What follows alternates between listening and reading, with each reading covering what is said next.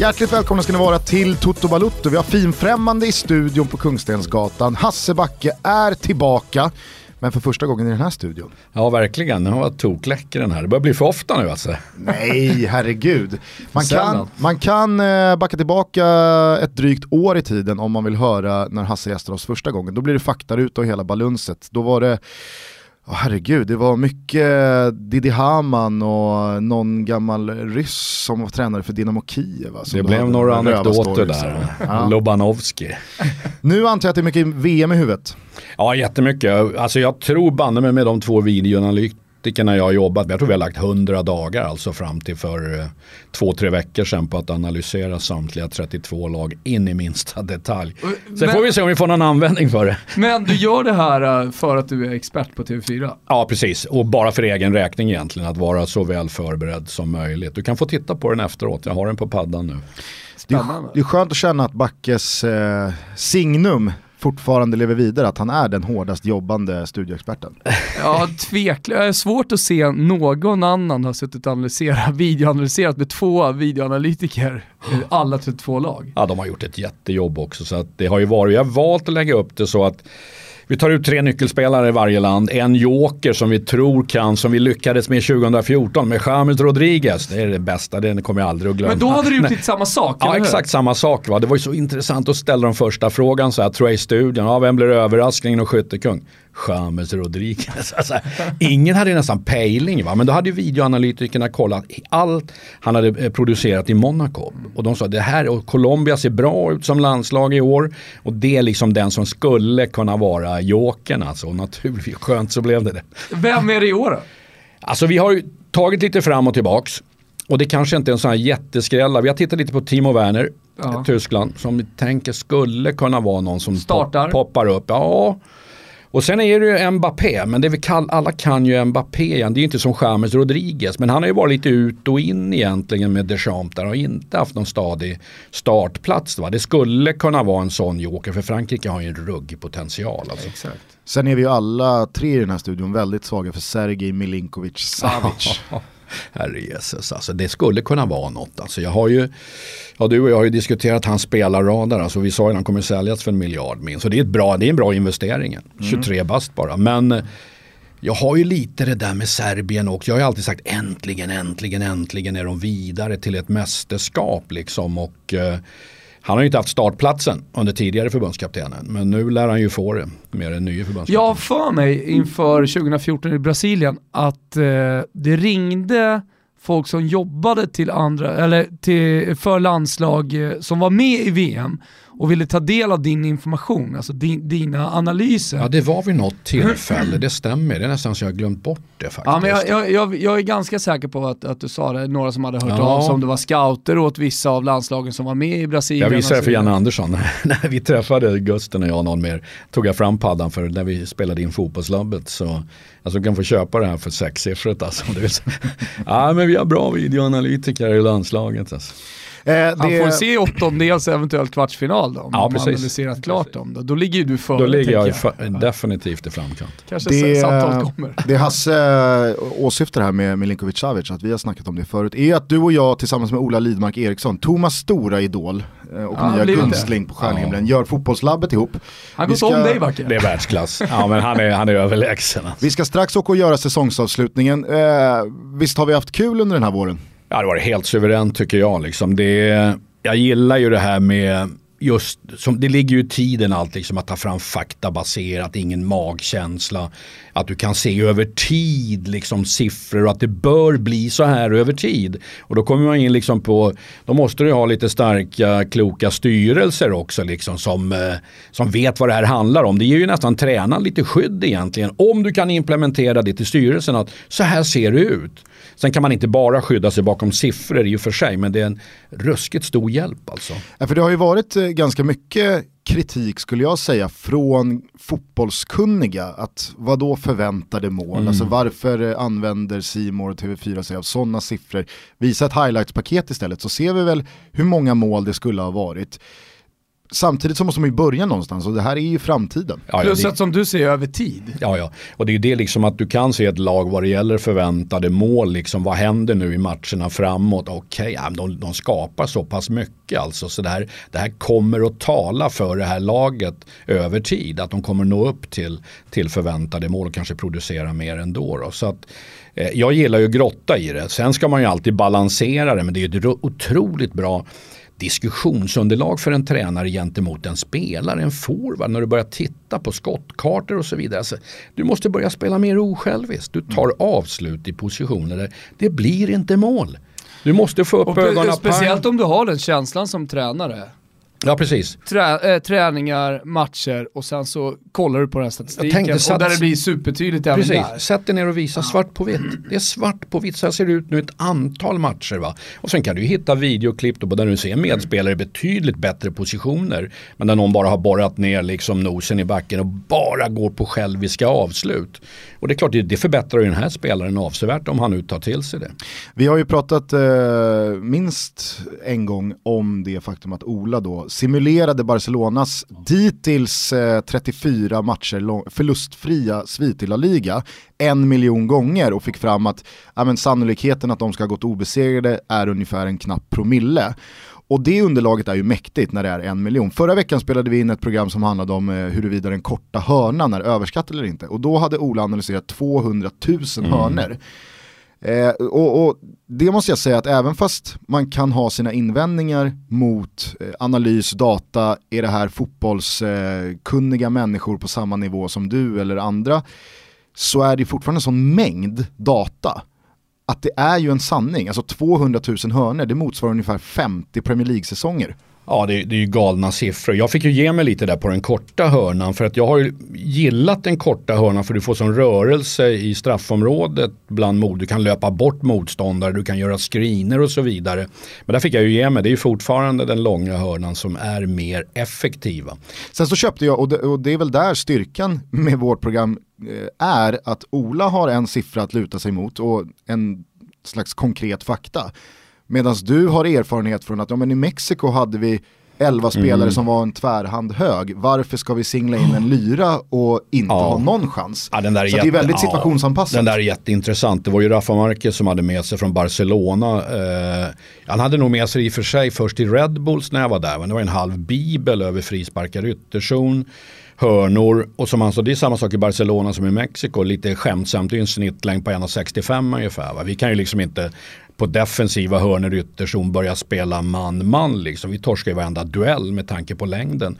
Och då på de offensiva delarna så tittade man ju på jäkla många smarta hörnor. Liksom de korta spel snett bakåt. Två, tre skriner i straffområdet. Det var som de sa, vi offrar tre spelare då för att göra skriner för den här hörnan för att få loss en på bortre eller, eller främre eller centralt framför mål. Och jag, jag, tycker det här är otroligt intressant. Men är det där någonting man jobbar mer på eh, nu för tiden eh, på individuellt plan att liksom lära sig skrina, alltså just på de fasta situationerna som jag tänker mig eh, att fotbollen har legat lite efter på om man jämför med andra sporter. Alltså om du tar en väldigt tydlig liksom, så här, sport där, där det bara är spel, alltså allting handlar om ett spel, basket till exempel. Väldigt lite eh, fritt tänkande så att säga fram, framför korgen. Eh, är, har, man, har man mer och mer börjat kolla på andra sporter? Ja, ja, jag vet inte om man har börjat kolla mer på andra sporter. Fotbollen är ruskigt konservativ. Liksom. Mm. Men om du ser de andra idrotterna som basket och så vidare, de, de, skapar ju vanor. De skapar vanor på fasta situationer, de skapar vanor i anfallsspelet. Hur ska du bryta ner en backlinje? Och liksom, när du har lärt dig liksom grunderna, det är då jag tror, då får du ju tryggheten. Det är då du vågar improvisera. När du väl har lärt dig vanorna. Och det är därför jag alltid skriker med hel som Bielsa liksom, vad det gäller att skapa vanor. Typ sista tredjedelen i anfallsspelet. Liksom. Skapa vanor, hur bryter vi ner liksom, en bra samhandling. Jag tror fotbollen om vi tittar ju på statistiken på fotbollslabbet, på, på, på de här, det görs ju för lite. Det Var görs ju för, 33 det hörna för lite. mål. Man lägger for, jag hävdar ju då att man lägger för lite tid på, Det på det, dit offensiva jag skulle vilja hörnor. komma liksom, någonstans, att man fortfarande gör det. Ja, jag tror man lägger för lite tid. Jag tror man skulle kunna liksom utnyttja rehabdagen Ja. eh, dagen efter match, två dagar efter match. Att då ta ner spelarna, gå igenom då, gå igenom hörnorna, offensiva, Ja, för det behöver inte vara defensiva. fysiskt påfrestande. Nej, jogga runt omkring liksom och lär dig få, skapa vanor på dina egna fasta situationer. Liksom. Utnyttja tiden. Jag är bara lite nyfiken här kring din arbetsbörda eh, innan ett mästerskap eller innan en allsvensk säsong och sådär. Att du grottar ner dig så mycket. Har du alltid varit så? Vad är det, vad är det som driver dig att eh, verkligen eh, tända flitens lampa och göra jobbet? Jag tror det går tillbaks i princip eh, i inledningen av, om vi nu kallar det tränarkarriären, så jag och Tommy Söderberg har känt varandra i hundra år. Och jag tror att det var vi två som egentligen bara drev varandra. Jag överdriver inte om vi i unga år, jag tror Tommy hade fått BP's juniorer och ehm, jag plockade väl Bro IK som mitt första uppdrag. Och fram tills dess så satt vi, ja, jag lovade fem dagar i veckan i telefon och pratade övningsval, instruktionspunkter. Vi skrev ner alla, alla träningar vi gjorde. Jag hade ett fullt garage med pärmar från 1979 med samtliga träningar från alla lag. Och bara genom att förbereda sig på det viset så, liksom så undviker du egentligen äh, misstag på träningen. I och med att vi hade ritat ner alla. Så jag tror det kommer därifrån. Sen har det bara fortsatt. Fan vad Söderberg imagemässigt liksom inte har byggt som en analytiker. Ja men han, alltså det var super super seriöst. Vi kunde ju sitta Jag vet, i... men håll med mig om att Ja, imagemässigt ja, så, ja, ja. så har man byggt Tommy Söderberg Ja, ja. som In en stor farsan Ja, Baloo som bara liksom går och klappar axeln. klappar liksom. alla i ryggen Ja, och, ja, ja, och känner nej, att nej, nej. ut och, kör din, ut och gör din grej, jag myten, tror på det. Den myten kan vi ta död på direkt. Alltså, det är helt säkert. Alltså, Söderberg jag satt, jag kommer ihåg, jag undrar om inte jag hamnade i, i, på Spånga IP på gläntan, alltså satt i duschen där av någon anledning och bara ritade och snackade fotboll. Alltså, så att det är en jätteanalytiker. För det var ju alltså, eh, the perfect eh, storm med analytiken Lagerbäck och liksom Mm. glädjespridan farsan Baloo som var spelarnas liksom Ja. nästan pappa. Men Tom är ju Tom- väldigt bestämd också vad det gäller typ delar i försvars och anfallsspel. Alltså det är inte bara gå runt liksom och ha en bra dialog med spelare, det lovar jag. Tror du att eh, dagens moderna fotboll för tränare gör att fler och fler i din generation droppar av? Att man Ja. inte orkar göra jobbet? Ja, det tror jag. Jag tror nog att ett flertal eh, som börjar falla för åldersstrecket inte riktigt tar till sig det här. Är de lite kloka så anställer de ju folk runt omkring och får till att de får en bra stab som kan presentera siffrorna för. Jag tror inte du orkar grotta själv i det och lära dig allt, men ta in experterna. Men tror du att det skulle funka att ett, låt säga allsvenskt lag 2018 tar någon eh, 65-åring som gör som man alltid har gjort och går på treans växel. Det som funkade 92 Mm. borde väl funka 2018. Nej, jag tror inte man gör det. Jag, jag har svårt att se det. Alltså, vi ser ju mer och mer generationsväxling i allsvenskan. Ranieri som... eh, Ja, det är Claudio. Claudio är undantag. Han är det fin- ett geni. Internationellt finns det ju några, men jag tror allsvenskan kommer inte att göra det. Även om jag tror att... Vilka, det, vilka finns internationellt? ja, det är en bra några- fråga.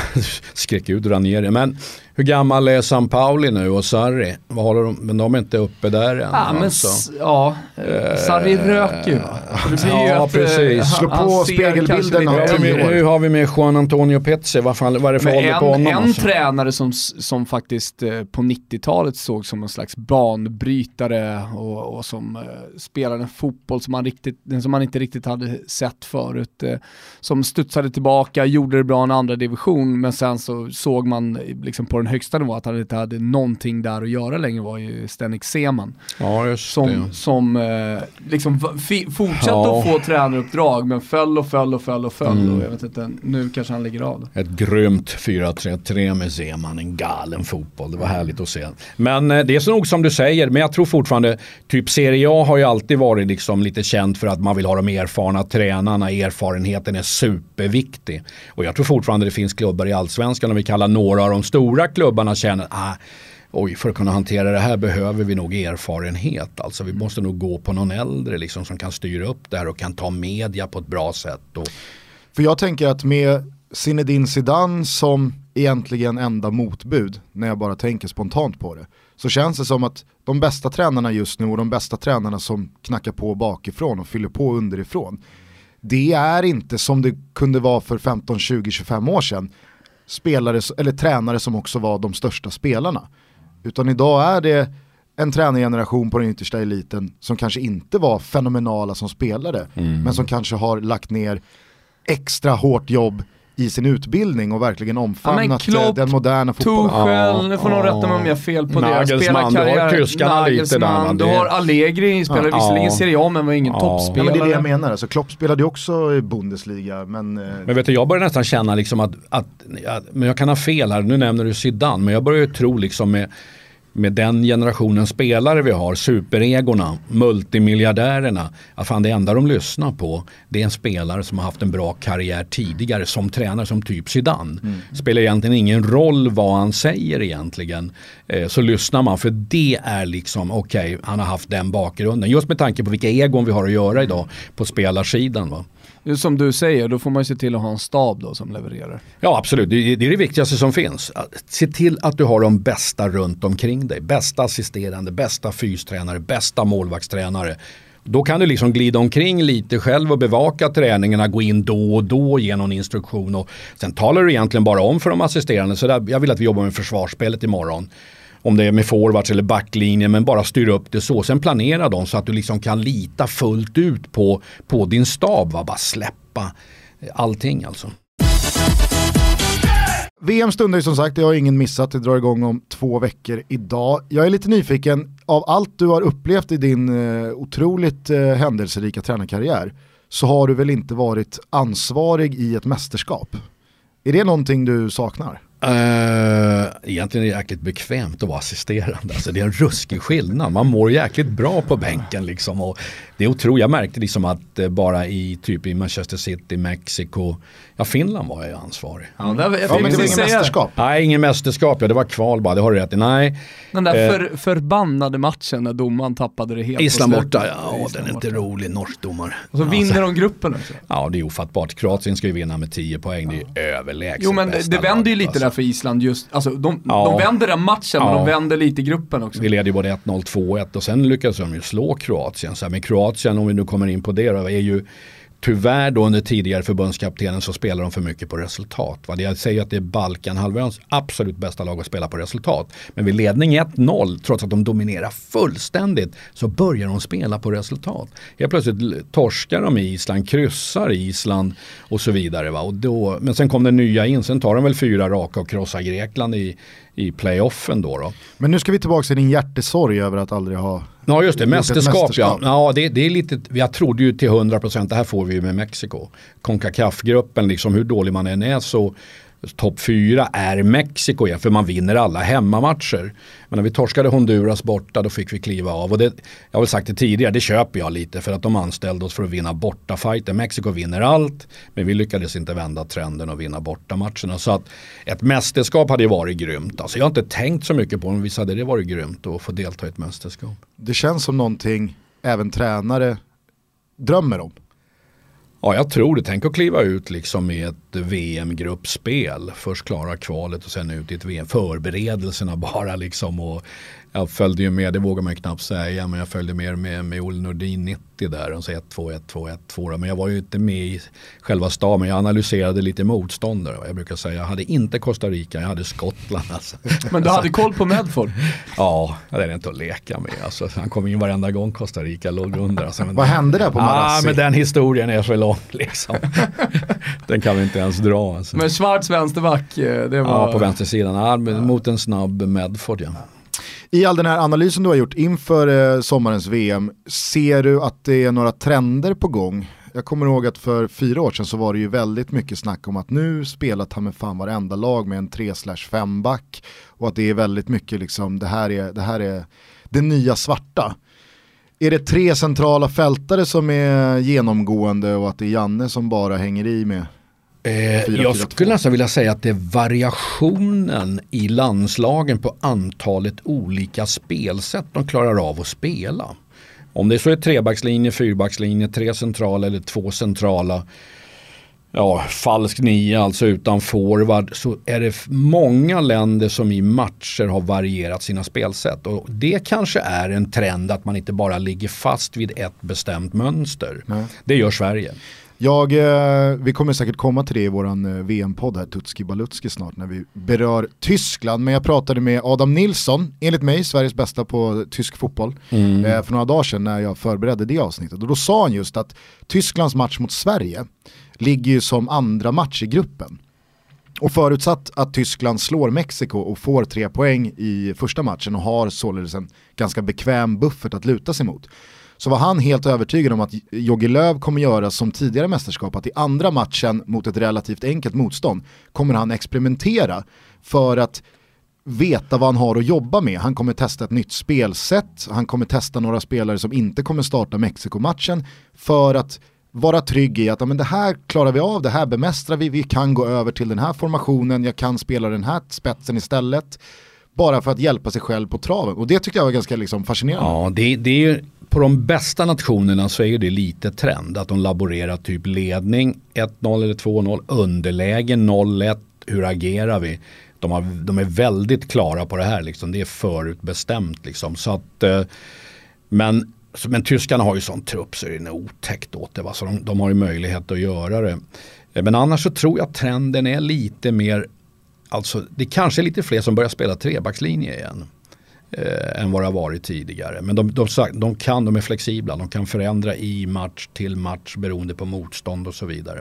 Hur ser du på Janne och Sverige i det här? Ja, det är ju laget, det, är, det vet vi ju alla, liksom. det är ju bara liksom det superdisciplinerade, disciplinerade laget. Ehm. Men är det en styrka att Sverige är så trygga i sitt 4-4-2 eller är det en liten falsk svaghet ah, jag, att inte jag kunna förändra? Jag tycker det är en styrka vet, utifrån, man är så medveten om vilket spelarmaterial man har. Liksom, hur ska vi överleva, hur måste vi agera? Lågt eller högt försvarsspel, hålla laget tätt, kompakt. Liksom. Och det som är intressant tycker jag, liksom, när man alla säger genom alla år att nu eh, har de och de ingen speltid alls i sina klubblag och hur ska det här gå? Men alltså, varenda gång jag kommer tillbaka till det så oavsett speltid i klubblag så nog fan levererar de i landslaget. Jag ser ingen där lite fysisk trötthet på några spelare efter en 70 minuter kanske men marginellt alltså. Så att det är helt fascinerande och det måste ju vara tryggheten i spelsättet och att man inte behöver göra så långa förflyttningar och så vidare som skulle ta fysiskt på spelarna. Så att jag är inte det minsta orolig för de som har noll speltid. De kommer att leverera ändå. Ja för det där kan man nästan slå åt andra hållet. Och de spelarna som dessutom, spelar 90 minuter ja, ja. 65 gånger på en säsong. De har ju dessutom en månad på sig att förbereda sig innan, innan VM. Så jag menar det, det finns ju eh, fystränare i, i, en stab också som, som gör, de gör väl tester misstänker jag när de kommer. Allting minutiöst, du vet med GPSer och allting. Du kan ju se när en spelare börjar bli överbelastad. Pang, pang säger det i röda zonen. Sen är det bara att lyfta ut från träningen. Ja. Sen får den jogga lite eller gå in på gymmet och köra för att undvika skador. Det är som med Brasilien och Neymar. Jag tänker ju lite så han kommer vara flygande. Med tanke på alla fighter i Barcelona, sen kommer PSG och sen kommer skadan. Jag tror han kommer vara så mentalt och motivationsmässigt stark. Nej, men jag, jag var inne på samma sak, jag vet inte vem jag diskuterade med här i, i, veckan, att han säkerligen också kanske hade kunnat komma tillbaka tidigare, alltså att pressat det bara för spelat de sista matcherna, men utan Champions League sen. Hade PSG eh, spelat en Champions League-final 26 maj? Ja men mm. exakt, exakt, men utan Champions League och med ligan avgjord, ja men fan, hem till Brasilien, se till att komma i bästa jävla form eh, till, till VM och så plus då den revanschlustan han har och så. Sen är det ju någonting med, det finns ju vissa spelare som alltid levererar i landslaget. Ne och Neymar, man kan prata hur mycket som helst om att han är en fixstjärna och, och allt det där, men, men på planen är han ju en Robbie Keane liksom. Mm. Nej, men jag, jag, tror, jag, tror, det här bara gör honom gott. Alltså. Jag tror hon kommer att vara så motiverad och frisk och pigg efter den här vilan. Alltså. Saknar du någon i den svenska truppen? Eh, alltså jag var ju inne på Ken Sema ändå. Eh, och tittar man lite på balansen på mittfältet så i och för sig kan jag köpa motiveringen med Rodén att han kan spela på alla fyra platser. Men den, den bör ju då vara lite med tanke på frågetecknet Albin Ekdal och skadehistoriken. Jag satt och tittade igår lite och skulle klippa på, på Albin Ekdal. Och det är inte mycket han har spelat alltså när man börjar leta och, och för att hitta. Och det är klart att då fyller Rodén det. Men jag tänker ju liksom på att Sverige har för det mesta balanserat sitt mittfält. Tre av fyra är, ska vi säga, hårdarbetande, lojala spelare. Och ska man tror jag vinna fotbollsmatcher i ett VM-kval så tror jag man måste balansera i alla fall två av fyra måste vara mer kreativa. Idag har du Forsberg och då skulle Sema, Viktor Claesson kan hitta på en del på sin kant, va? Dormas kan komma in, men jag hade ju ändå sett gärna en Ken Sema i landslagstruppen. Alltså. Det väntar ju två träningsmatcher innan eh, Ryssland. Danmark på lördag, Peru en vecka senare. Vad tror du Janne vill ha ut av de matcherna? Vad vill man se? Ja, det är ju det svenska. Det, det är alltså hur fungerar försvarsspelet? Eh, är det, startar vi vid cirkelkant med forward, går vi lägre mot Danmark, håller vi ihop laget rätt, gör vi överflyttningarna rätt, eh, vem drar offside-linjen i backlinjen? Eh, det vad det gäller defensiven, hur vi försvarar på fasta situationer, är det konkret och klart. Offensiven, liksom kan vi jobba med, med en anfallsuppbyggnad som vi har tränat på, som vi vill ha. Når vi fram? Det, det är ju de bitarna det handlar om bara. Givet att det inte dyker upp några skador, hur skulle du formera det svenska mittfältet? För jag tror att backlinje och anfallspar ja, är väl hugget i sten. Ja. Nej, jag skulle säkert starta som alla säger om de är friska mot eh, Sydkorea. Liksom för att bara mala sönder Sydkorea så blir det Claesson, Larsson, Ekdal, Forsberg på fältet. Kan ju vara lite så med Albin, vi pratade med honom i februari, då hade han kommit tillbaka från fotskada för Tränaren där i Hamburg hade ju pressat honom så inåt helvete. Tränade honom liksom nio timmar om dagen bara för att han skulle komma tillbaka snabbt. Och sen slog han ju upp skadan, eh, mycket på grund av det. Eh, och då sa han, nu är det bara VM som gäller. Alltså lite mm. åt Neymar-hållet. Mm. Att, eh, han, han, han väntade länge, sen gjorde han visserligen comeback, men, eh, men jag tror att eh, han tog tid på sig för att helt för fokusera på det här. Så ja. det kan ju bli en liten, ja, låt säga Neymar-effekt. Vi kommer ihåg EM 2016 när han kom från eh, ja, mer eller mindre dödsbädden och tappade hur mycket blod som helst. Mm. Till att vara Sveriges bästa spelare i stort sett eh, under, tre, eller under de två som han spelade i alla fall. Jag kan bara hålla med om det. Han kommer en, jag vet inte hur han tränar nu om man kör för fullt på det här träningslägret men jag är ju ganska säker på att Danmark nu på lördag och så det blir en tänkt startuppställning. Det är jag övertygad om. Första elvan kommer att starta och sen blir det säkert en bit efter 60 minuter ett antal byten. Mm. Och lite samma sak mot Peru då, eller tror du Janne snurrar och luftar en vecka senare? Nej. Jag tänker att det är ju bara en dryg vecka kvar då. Nej, jag tror inte det. Jag tror att nio elftedelar kommer att starta mot Peru också. Det kan vara typ en Dormast istället för Claesson. Eh, det kan vara ja, jag vet inte om Rodén får starta där. Känslan är väl ändå att, att La, Hiljemark möjligtvis centralt men det mesta känns, ja kanske vill man spara Albin lite mm. och så spelar du Larsson och så sätter du in Hiljemark som, som, som det alternativet mot Peru. Eh, finns det något annat du eh, ser fram emot lite extra med VM? Uh, ja det borde det vara utan att jag har tänkt till någonting. Jag ser fram emot lite att det hade varit roligt om någon outsider poppar upp. Och jag satt och grottade lite där på outsiders. Kroatien är ju intressant. Alltså, men sen känns det ändå lite långsökt att tro att de ska kunna gå hela vägen. De borde ha gjort bättre i EM 2016, det, så är det bara. Eh, nye förbundskaptenen, de spelar mycket rappare sen han tog över. Och de har ett ruskigt lag. Men om du, det är backlinjen som är sisådär lite, som jag är lite orolig för hur den ska hålla. Men ser du fält och forwards så är det här det är absolut högsta världsklass. Fan, nu kommer jag att tänka på, var det åttondelen eller kvarten mellan Kroatien och Portugal förra EM? Alltså den som gick till förlängning, som kunde sluta hur som helst och det var bara, det var ju ett rallarslagsmål som Portugal avgör i förlängningen. Så hade de vunnit den, ja, vem vet. Kunde ha gått hela vägen, kunde ha gått hela vägen. Sen är det det här med Belgien då, kan det vara dags för Belgien? Ja, ruskig trupp alltså. Du kan ju byta ut sju man och hålla samma nivå. Känns det inte som att man satt sig lite i Belgien? Oh, alltså från oh. att vara ett uh, hypat, uh, poppigt lag, unga spelare, som att många också hamnar i sin karriär senet lite grann också oh, i det här mästerskapet. Det är nu det ska funka. Ja, man trodde ju 16 skulle vara det va. Men mm. det kanske är 18 som är året när Belgiens generation får till det här. Det är lite det där Eh, Roberto Martinez har gått över och spelat trebackslinje i stort sett i hela kvalet. Med Alderweireld, Company, Fertongen har det ju varit nästan rakt igenom. Och, eh, Sen har du ytterfältarna som får skava där lite en hel del då. Carrasco, sen vet jag inte om det är Mertens ibland. Det varierar lite. Men eh, de skulle kunna vara överraskningen, alltså eh, outsidern. Eh, och ser vi statistiskt, jag vet inte om vi har kollat, vi kommer att göra det idag Ja. på fotbollslabbet, så är Belgien väldigt högt upp alltså.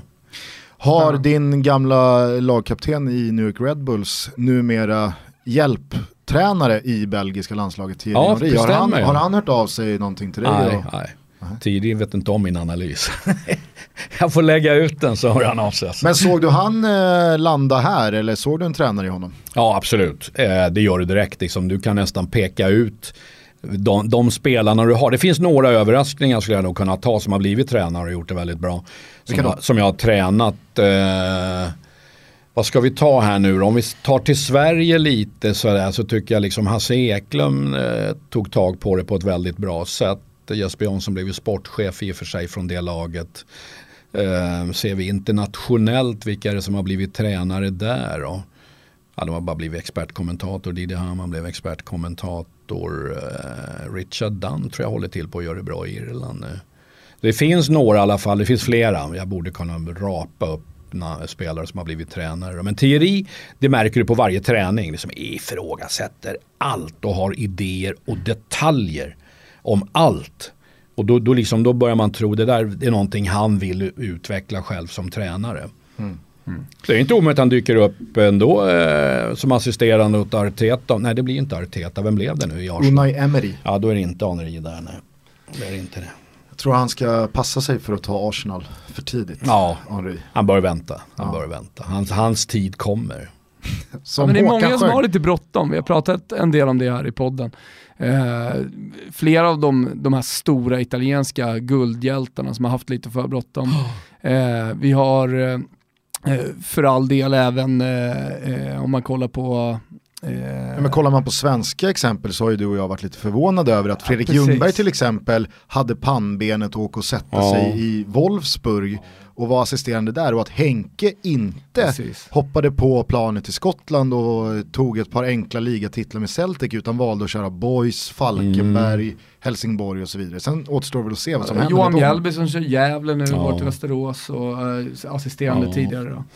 Undrar hur Henke känner egentligen, men han valde väl helt enkelt att skaffa sig mer erfarenhet innan man studsar på Celtic alltså. Hur viktigt skulle du säga det är för tränare att ha ett resultatmässigt bra track record? För jag menar Henkes track record som tränare, det är inte jätteimponerande. Nej men han kommer du vet, han har sån ruskigt hög status som spelaren Henke Larsson. Så därför tror jag att hans tränarstatistik inte kommer att bekymra speciellt mycket. Han kommer att få sina tränaruppdrag, alltså det är jag helt säker på. Innan vi har stänger jag ner... tackat nej en del. Ja jag gissar det, jag gissar Ja, det får man anta. Innan vi bara stänger VM, finns det någon av de stora drakarna du tror kommer kraschlanda lite? det. Stora drakar, då är det ju Tyskland, Brasilien, ja, precis, Frankrike. Alltså, ja, ja, Frank, räknar vi in Frankrike? Ja, jag tycker ändå det.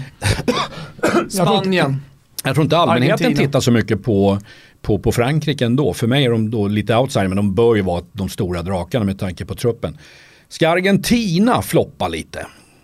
Ja, jag säger att Argentina kan floppa. Men annars Tyskland, Spanien, eh, vilka är det? Brassarna. Brassarna ser ju jättebra ut alltså, det är ingen tvekan. Vi tror ju lite härifrån att, nu kanske inte det är en av de största drakarna, men de är ju trots allt regerande Europamästare. Portugal kan få det lite jobbigt.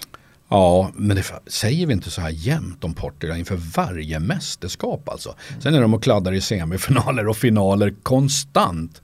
Jag har spytt galla på Portugal liksom över alla filmningar och elände och fördriva tid liksom och eh, bara klarar inte av dem. Men de är där ändå va.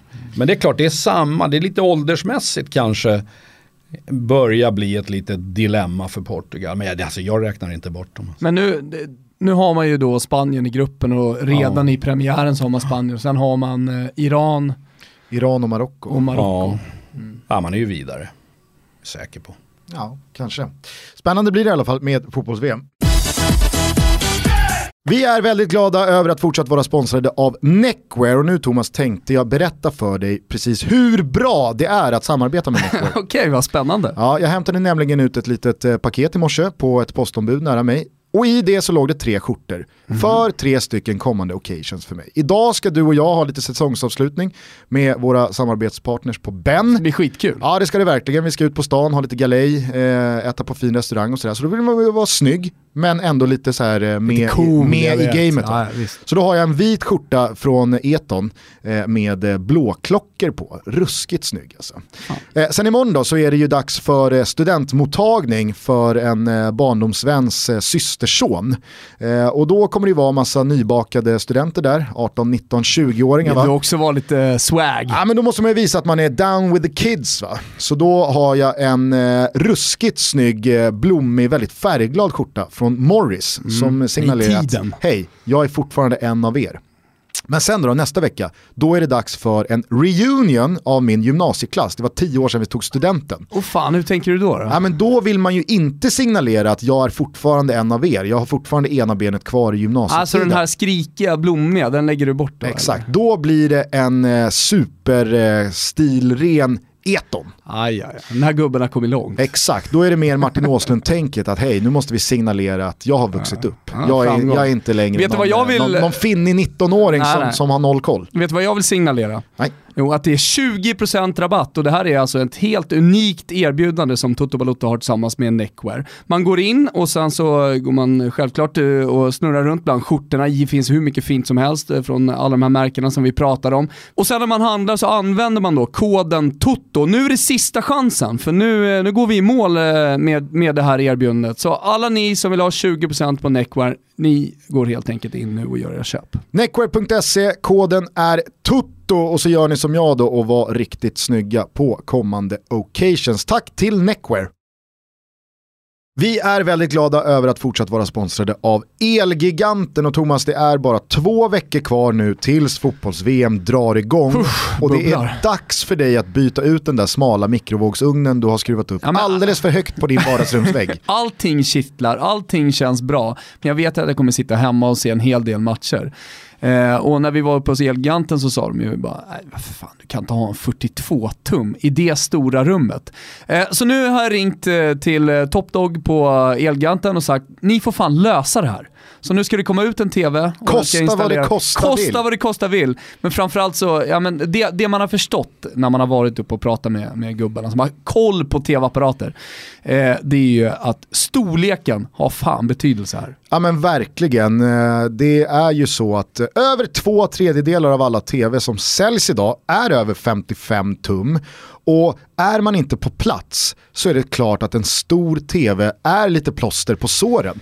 Du vill inte sitta där och kisa och undra vem som har bollen. Du vill se det är det jag gör nu. hur svettig är nummer åtta. Ja. Vad är det för gräsfläck i hörnet av straffområdet där då?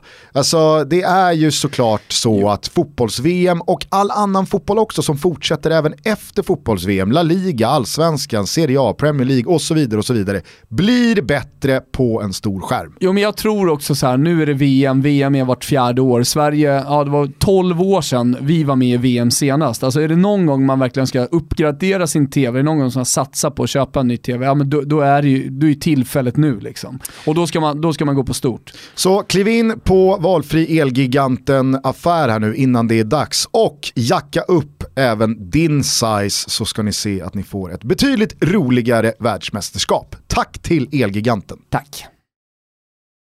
Ryggade du min eh, Toto-trippel förra helgen eller? Jajebuxingen, jag hade feeling för den också Gusten. Vad fint! 12 gånger fläsket. Ding ding! 12 gånger fläsket rasslade in när Karius tappade in Bales långpipa. Skickar vi en tanke till honom? Ja det får vi verkligen göra. Så det var riktigt skönt tillskott här nu eh, till eh, majlönen. Ja. För det kommer ju behöva gå en del deg här nu eh, i juni. Ja men så är det, men eh, framförallt så har man ju väldigt mycket att se fram emot. Man har väldigt mycket att se fram emot på just Betsson.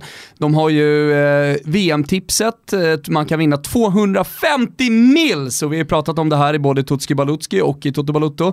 250 miljoner kronor kan man vinna och det enda man behöver göra det är att sätta vilka som går vidare från gruppen och sen så slutspelsträdet. Och så lägger man ett spel på 100 kronor under, eh, under VM, alltså på någon av VM-matcherna. Exakt, det är det man behöver göra innan torsdag den 14 juni för att kunna deltaga i VM-tipset med eh, hugg då, då på mm. en kvarts yard. Så att eh, det är ju befängt ifall man lyssnar på den här podden och inte sitter med sitt VM-tips när festen drar igång här om två ja, veckor. Men samtidigt, jag, sitter, jag sitter och filar på mitt nu, men jag tror jag kommer lämna in, in mitt i helgen. Hur som helst, eh, Toto-tripplarna rullar på jäkligt mycket spännande träningsmatcher. Och vi har, har Backe med oss här, man får ju en hel del uppslag för han har så otroligt mycket kunskap. Så att jag ska ta med mig lite eh, från det Backe har sagt och hans analyser och så, så ska jag gå in med, med, med en eh, vass trippel till helgen. Ja, verkligen. Så att, eh, håll utkik under godbitar och boostade odds. Där finns alla rublar dessutom. Rubel! Och så kommer då Toto-trippen lagom här nu under torsdag eftermiddagen, torsdagskvällen. Så kan den marinera på fredagen och så är vi ett gäng som jobbar in ännu mera deg då till helgen. Puss och tack till Betsson. Tack Betsson. Det har ju varit en jäkligt intensiv allsvensk vår. Mm. Hur många arenor har du hunnit med? Ja, vi, alltså det har ju varit lugnt på det viset att det är för kallt vet du, att åka ut på arenorna så vi kör ju studion hemma. så det enda som jag har varit... Jag har sett dig på många i, Ja, jag har varit runt också. lite. Jag har varit i Göteborg, eh, Malmö, alltså, Borås. Borås, en självklart Tele2, Friends. Eh, så har ju varit runt en del och hunnit med en del i maj ändå och resa runt alltså. Men annars var det ju studion. Friends är nära. Friends är nära, det är gångavstånd. Om vi börjar i den mer eh, negativa änden, vad, vad, skulle du säga har överraskat dig negativt? Göteborg svänger eh, enormt. Eh, ingen riktig stabilitet. Du vet inte vad du får från Göteborg från match till match. Sen kan man ju då säga att det de har gjort bra det är ju att Eh, det verkar som att de har implementerat någonting utåt mot media, för det är inte så mycket kritik. Nej. mot att Göteborg ligger där nere med en 13 Men det gick in ju med en väldigt tydlig inställning att vi, vi tänker långsiktigt ja, och, och det verkar som att de fick fansen att köpa det. Precis, det. vilka normalt köper det av en storklubb egentligen?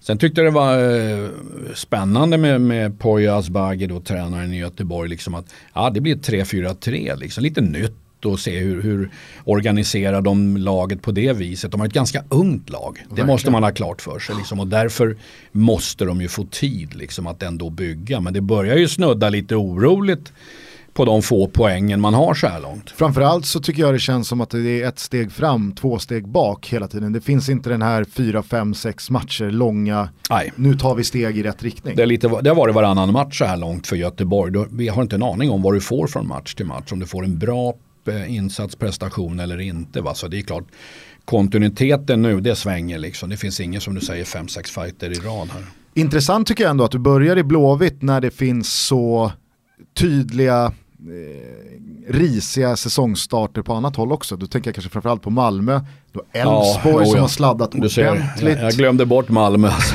jag glömde bort Malmö. Men Malmö alltså. så... Hur ser du på deras vår? Ja, den har ju varit så tuff, så tuff, så tuff så det är inte sant åt det. Va? Men du måste ändå liksom, jag tror att Malmö går ut och säger vi ska vinna guld. Och jag menar att det är orealistiskt liksom hur många vinner tre, fyra år i rad. Ja, Juve gör det, Bayern gör det. Men sen, PSG liksom. Ja, PSG. jag har varit inne på att man inte kan köpa den typen av edge eh, till allsvenskan. Oavsett om du är ekonomisk överlägsen som det är i Malmö FF så blir det inte samma typ av överlägsenhet eh, som det blir för PSG, Bayern München, Juve i sina respektive ligor. Och att Malmö fortfarande då får titta på, ja ah, men en Carlos Strandberg, men en Carlos Strandberg är inte så pass överlägsen som Neymar är i Nej. PSG. Ja, det är den stora skillnaden, du, du är helt rätt ute. De kan ju köpa in den absoluta toppen, det kan du inte göra alls allsvenskan. Det spelar ingen roll hur mycket du betalar så är det inte någon toppspelare som vill spela i allsvenskan. Så är det ju bara oavsett pengar. Och av de som vill spela allsvenskan så finns det ingen som garanterar 25 mål? Eller nej, nej, nej, nej, men det kan du aldrig. Liksom, det är som jag brukar säga, liksom, att, att lyckas på transferfönstret, det är ungefär som en slantsingling det är nästan så alltså. Det, nu har ju då eh, Malmö valt liksom att titta lite mer på den egna akademin och börja få upp lite egna spelare, försöka i alla fall. Men de förlorade ju fem eller sex startspelare alltså.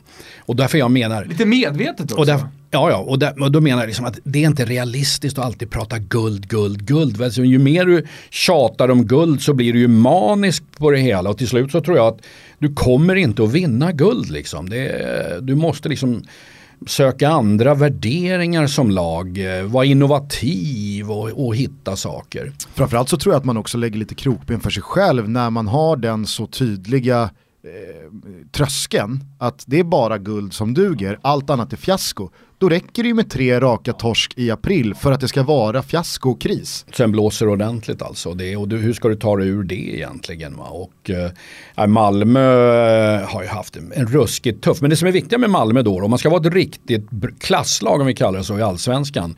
Så om du inte vinner 2018 så ska du ändå vara topp tre. Då är du tvåa, trea istället. Va? Då har du stabiliteten, men du kan inte vinna varje år. Men du får inte bli nummer sju, åtta. Det är ingen bra liksom, egenskap som, som ett storlag. Får jag bara fråga då, eh, vi pratar om de alls, eller flera allsvenska lag som har haft eh, liksom toppar och dalar. Det är inte bara IFK Göteborg som har varit så här, varannan match. Eh, eh vi har haft Djurgården till exempel och som har haft sina extremt eh, djupa dalar och sen så varit superbra vissa matcher. Vi har eh, ÖFK Östersund som har kommit tillbaka nu på slutet och ändå med och aspirerar eh, på liksom en plats eh, i, i toppen. Men vilket lag tycker du har varit mest stabil om man ser över tid nu, över våren? Milan som, som, som inte riktigt tappar så, så mycket? Ja, det är de två topplagen alltså. Det, det är ju Hammarby och AIK.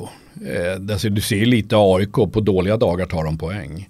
Även om jag tror att AIK innerst inne är så lite småförbannade att man inte har en fyra poäng till. Tänker på Östersund hemma, Häcken borta. Eh, där det känns som att oj, man ger bort fyra poäng på det här viset. Men de har också haft en skadesituation som har varit tuff och det som har gjort det bra det är att de har hanterat skadesituationen på ett fantastiskt bra sätt. Hammarby har ju varit stabila så det sjunger om det. Får jag bara fråga hur du tror att Malmös sportsliga ledning tänkte där när man valde att släppa Magnus Persson, eh, jag antar att det är väldigt mycket Carlnén, vdn, Daniel Andersson, sportchef och så vidare. Hur tror du Malmö resonerade? Ja, jag var lite överraskad, negativt överraskad med tanke på man hade skickat Kuhn, Allan Kuhn då tidigare tagit guld och så skickar man Magnus Persson. Jag ser egentligen ingenting annat än att man började darra inför mediatryck, fanstryck. För om jag har förstått rätt runt spelare och så vidare så är jag inte så säker på att det är någonting som, som spelarna ligger bakom. Och oavsett så brukar jag alltid prata om det smarta styrelserummet. Liksom. Har man implementerat något långsiktigt och inte kortsiktigt? Tar man rätt beslut? Kan man värdera prestation och inte bara resultat? Är man så skicklig så man liksom kan bygga det här laget alltså. Så att jag, jag, jag var besviken eh, att det blev en sparkning av Magnus Persson. Vad tror du händer nu? Daniel Andersson har ju kört sista ja. matcherna innan uppehållet. Ja, det kan bli att han fortsätter jag tror inte alls det är omöjligt men det blir nog en uh, otroligt tung börda arbetssituation för Daniel. Transferfönster, allt Champions League och sen leda ett lag. Det kan ju vara att han lämnar över mycket till Olof Persson och, och Jens Fjällström också. Eh, man är ute och jagar tränare 100% säkert. Va? Vad man får och får man det man vill ha. Eh, det är inte helt säkert. Jag tänker också, ah, precis som du sa, att det är ganska skönt att vara assisterande när man sitter på bänken där. Alltså, jag kan tänka mig att Daniel Andersson har ju heller inte placerat sitt huvud under giljotinen i och med att man har varit sportchef. Är man också huvudansvarig som tränare så blir det ett helt annat tryck på honom. Ja, så är det ju bara. Jag kan ju bara gå tillbaka till jag själv var assisterande liksom, under match. Liksom. Att gå och sätta sig på bänken och vara assisterande jämfört med ansvarig, det har en helt annan puls. Liksom. Du är ju lugn, du kan ju sätta dig och läsa en bok nästan. Så bekvämt är det att vara assisterande. Va? Så det är en ruskig skillnad vad det gäller press och tryck. Ser du det vända för MFF? Ja, det gör jag. jag. Jag, tror, jag tror att man kommer att införskaffa en par spelare under eh, sommaruppehållet, transferfönstret, bra spelare i bra positioner och det kommer att lyfta Malmö. Man får väl tillbaka en del skadade också så man kommer börja vandra uppåt. Jag har ju följt de här allsvenska sändningarna under våren och eh, hört dig resonera tillsammans med Axén också väldigt mycket kring Elfsborg och som hände där varför inte lossnar. Nu tog man ju två otroligt viktiga segrar mm. mot slutet och gjorde väl dubbelt så, alltså man gjorde lika många mål på två matcher som man har gjort fram ja. till dess. Hur ser du på Elfsborgs mål? Eh, vändningen menar jag kom när man kvitterade mot Göteborg eh, i 94 i princip till 1-1 för att sen möta Trelleborg Dalkurd. Plocka 7 av 9 poäng.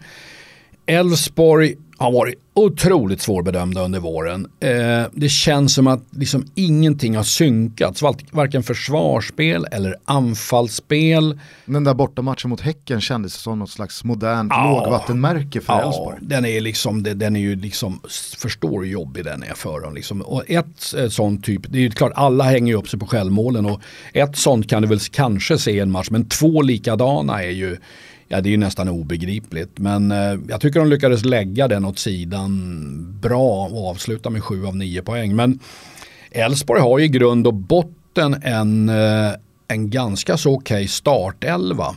Eh, och med att få gå upp till vilan med 7 av 9 poäng. Alla kommer att må väldigt bra. Lyckas de nu få en vettig start så kommer de också börja vandra lite uppåt. Men jag tror inte det är mer än ett mittenlag Elfsborg. Jag vet inte om du minns eh, hur eh, Nanne Bergstrand resonerade två säsonger i rad som Hammarby-tränare när han då hade sin manual, han skulle börja spela framtidens fotboll, han försökte i halva säsongen, sen så gick det resultatmässigt inte som eh, det var tänkt och därför fick han då gå till plan B som var en betydligt enklare, rakare fotboll som inte han ville spela men det var, det var så illa tvunget att göras i och med att resultaten skulle in. Jag får lite samma känsla kring Jimmy Thulin och hans intåg i Elfsborg, att han har en vision om vilken fotboll han vill spela, han försöker spela den, ingenting händer, resultaten kommer inte, man börjar ligga pyrt till i tabellen. Är det rimligt att tro att Elfsborg och Thelin kommer börja gå lite samma väg, att man kanske överger visionerna för att pinnarna måste in? Ja, och man och kommer, vad känner du i ja, kring det? Man kommer nog att, och ska vi säga, strama åt eh, lite mer. Det gör man för man måste få in poängen. Så är det för varje lag. Det, det är ingen som köper och pratar långsiktigt och att det är process, process, process. Eh, utan du får strama in en del saker oavsett om det gäller i försvars eller anfallsspel. Eh, tror jag, ja, de, är, de är svårbedömda. Jag tycker de har byggt upp sina anfall ganska bra. De kommer över mittlinjen men sen händer för lite liksom att bryta ner ett försvar. på bänken. Ja precis och det här är ju intressant med Prodell. Liksom. Jag säger till alla klubbar, eller jag har inte gjort det nu, jag kan säga det nu. Ja. Ni som är mittenlag och så vidare, köp Viktor Prodell. Det är alltså en av allsvenskans effektivaste målskyttar. Och jag, då sticker jag ut hakan ännu mer och säger att om han skulle spela kontinuerligt så skulle han kunna vara en kandidat och vinna skytteligan i allsvenskan. Vet du vad Hasse, alltså, jag håller helt med dig här. äh, men jag har ju pratat om Victor Prodell länge, han är en bomber och uh, han är nummer nio. När, utveckla, när utvecklas de? Men när är de som bäst? Jo men de är ju som bäst när de blir lite äldre va. Så jag har hela tiden känt att Victor Prodell, han har det där klassiska nummer nio spelet i sig. Alltså han har 15 mål i allsvenskan, garanti. Trots att han inte har spelat hela tiden uh, och, och varit startman, så har han ändå varit uppe där och gjort 10 mål, men ingen tänker på Victor Prodell. Så han har ju blivit lite min gubbe, precis som han uppenbarligen är din gubbe också. Jag tror ju liksom att han är ju bänkare nu, va? han spelar ju inte speciellt mycket och eh, han kan ju inte vara sådär superdyr egentligen att köpa loss från en, en lag som ligger femma, sexa, sjua, åtta i Sverige. Nej och jag tänker dessutom att han själv efter den här våren måste börja känna att ja men herregud jag, jag måste spela fotboll någonstans. Gör jag det inte här så får jag ja, gå någon annanstans. Ja. Nu är det så här med, med, matchen mot Göteborg när man skickar in de två tunga pjäserna Frick och Prodell så är det klart att det blir, det blir en annan typ av fotboll. Um, än vad det är under de här normala 90 minuterna. Man bara pumpar in allt som går att pumpa. De är ju svårtuggade och står emot bägge två. Mm. och kvitterar. Men uh, Prodell som sagt, ja, köp honom. Gällande AIK, jag vet att vi snackade om det nyligen, så är det ju också så att jag menar det är allsvenskan, AIK har spelat 12 matcher och de har fortfarande nolla i förlustkolumnen. Alltså jag kan tycka att det har gått lite inflation i det här att varje match ska vinnas. Det är ju inte realistiskt, Nej. precis som du säger att det är inte realistiskt att ett lag ska vinna guld fyra år i rad. Man kan heller inte, tycker jag, ha ett krav på ett allsvenskt lag även fast det heter AIK och ska vara i toppen, att varje match ska vinnas eller man får inte förlora. De har spelat över en tredjedel av allsvenskan, ligger tvåa och ännu inte torskat det är svårt att ha högre krav. Alltså. Ja, ja, det menar jag också. Men ändå får de väl konstigt nog en del kritik. Men det, det är som jag säger, på dåliga dagar tar du poäng. Liksom. Och de där dåliga dagarna, de kommer alltid. Varje lag drabbas under en säsong, som jag brukar säga, av två, tre kriser. Så är det bara, alla är ju livrädda att prata kris. Men vad då? det gäller bara liksom att komma på pappret igen och ta sig ur den där krisen så snabbt som möjligt. Man är rädd för att använda ordet kris. Bayern serieledare, är det en fluga eller tror du vi kommer se dem där hela säsongen? Ja, jag tror, jag tror vi kommer få se dem eh, topp tre hela säsongen. Det, det, är ett lag som mår väldigt bra. Eh, och sen har de ju en bänk helt plötsligt som man, jag tycker inte man har haft tidigare. Kommer ihåg några fighter när de satte Svensson på bänk, Padibba bänk, Kennedy bänk, Kennedy Sängen på bänk. Smarason. De har ju en fyra, fem tänkte jag bra alternativ att sätta in från bänk. Och när hade de det senast egentligen? Så att nej, Hammarby kommer vara med.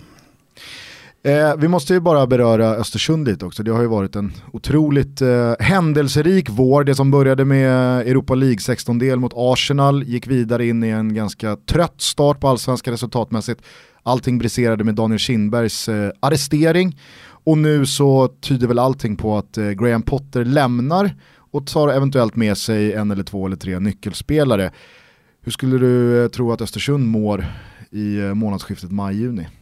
Han tar då med sig bägge assisterande också. Två mm. oerhört skickliga vad det gäller data, scouting, analyser.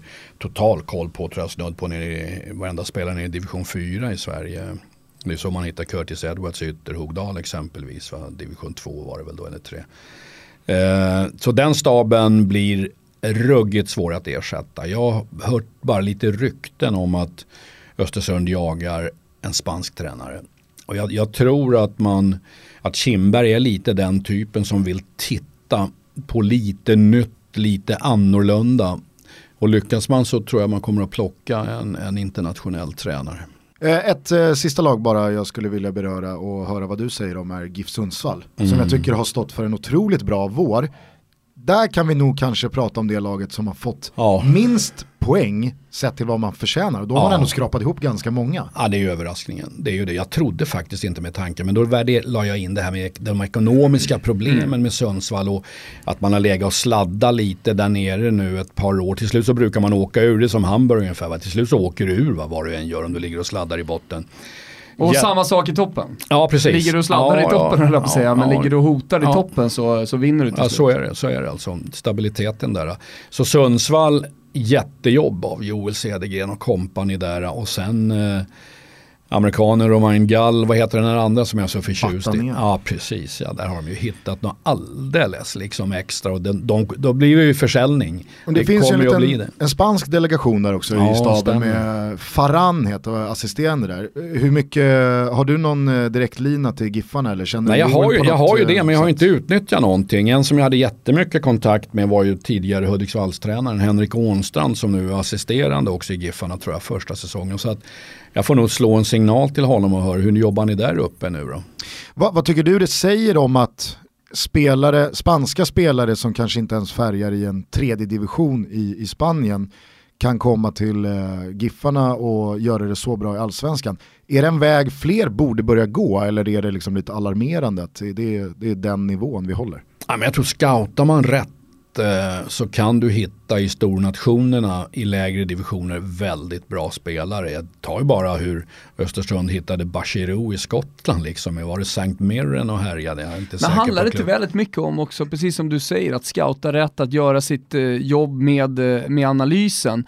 Eh, jag pratade med en uh, ung svensk spelare som, som uh, var inne på att han minsann borde spela i Italien. Jaha, varför ska du spela i Italien då, då?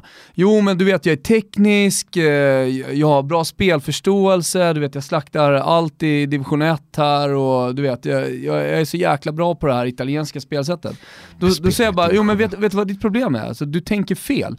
I Italien har de en miljon spelare som du, som förmodligen är lite bättre än vad du är också, exakt den speltypen. Förmodligen.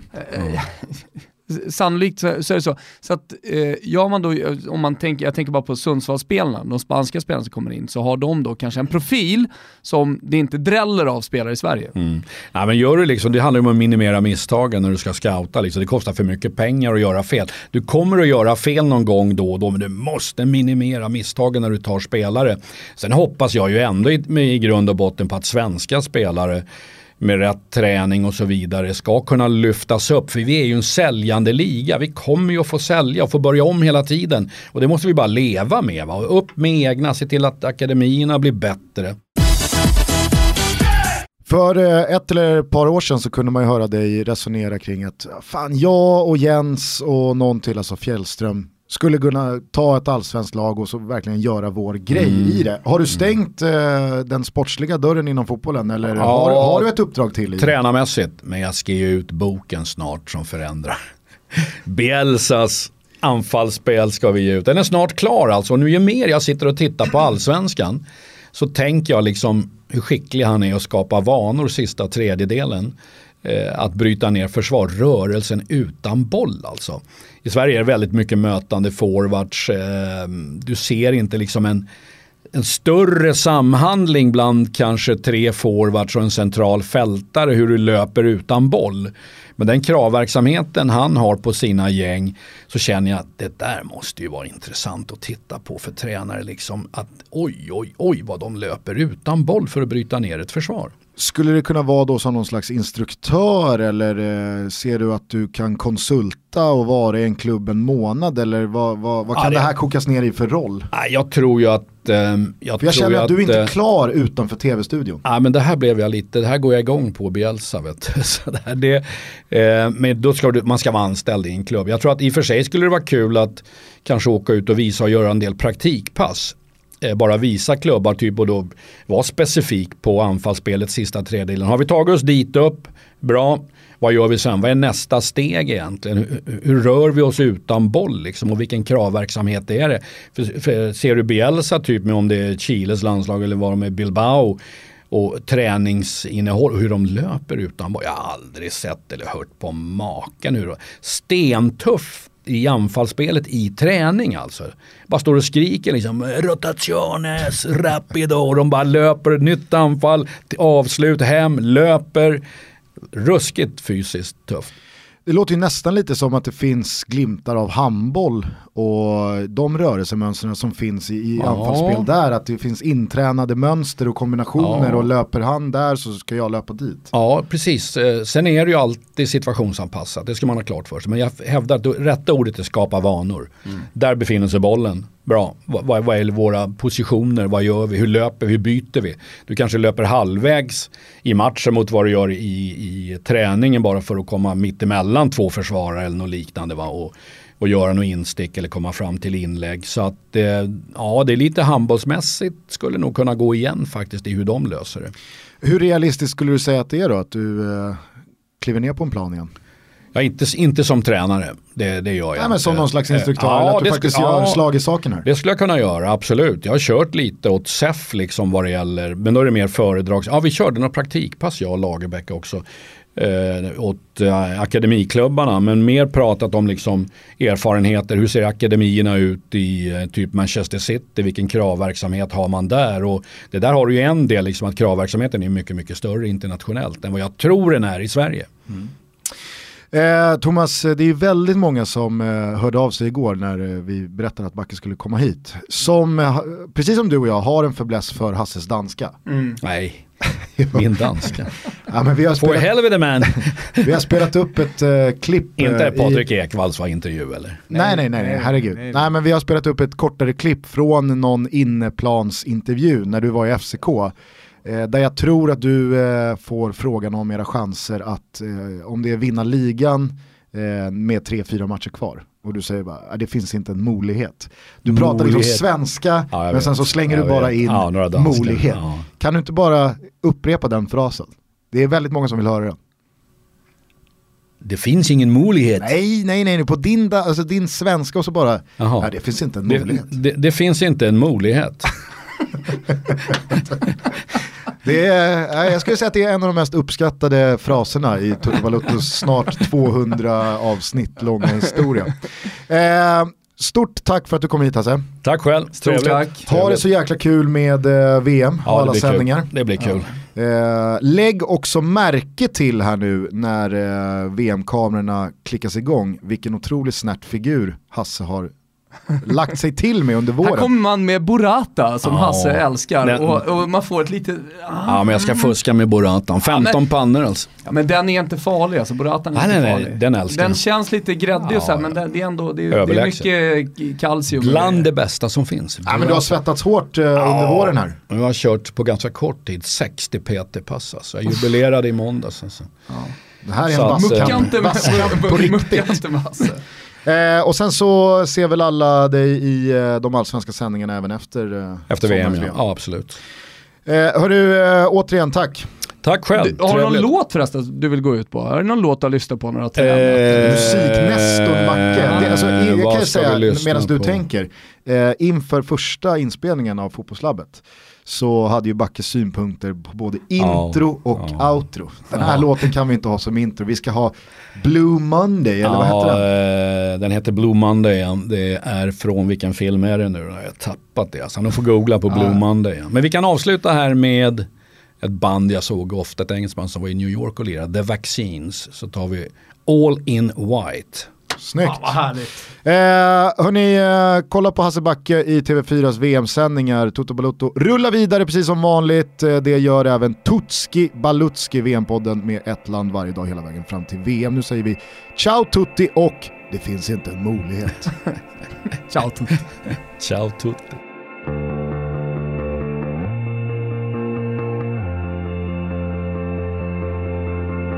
Break me on the 37th hour. Tout me, doubt me, show me all of your power. I will watch you rise on my back from the ground. Friend, I don't know, do you like what you found? Because I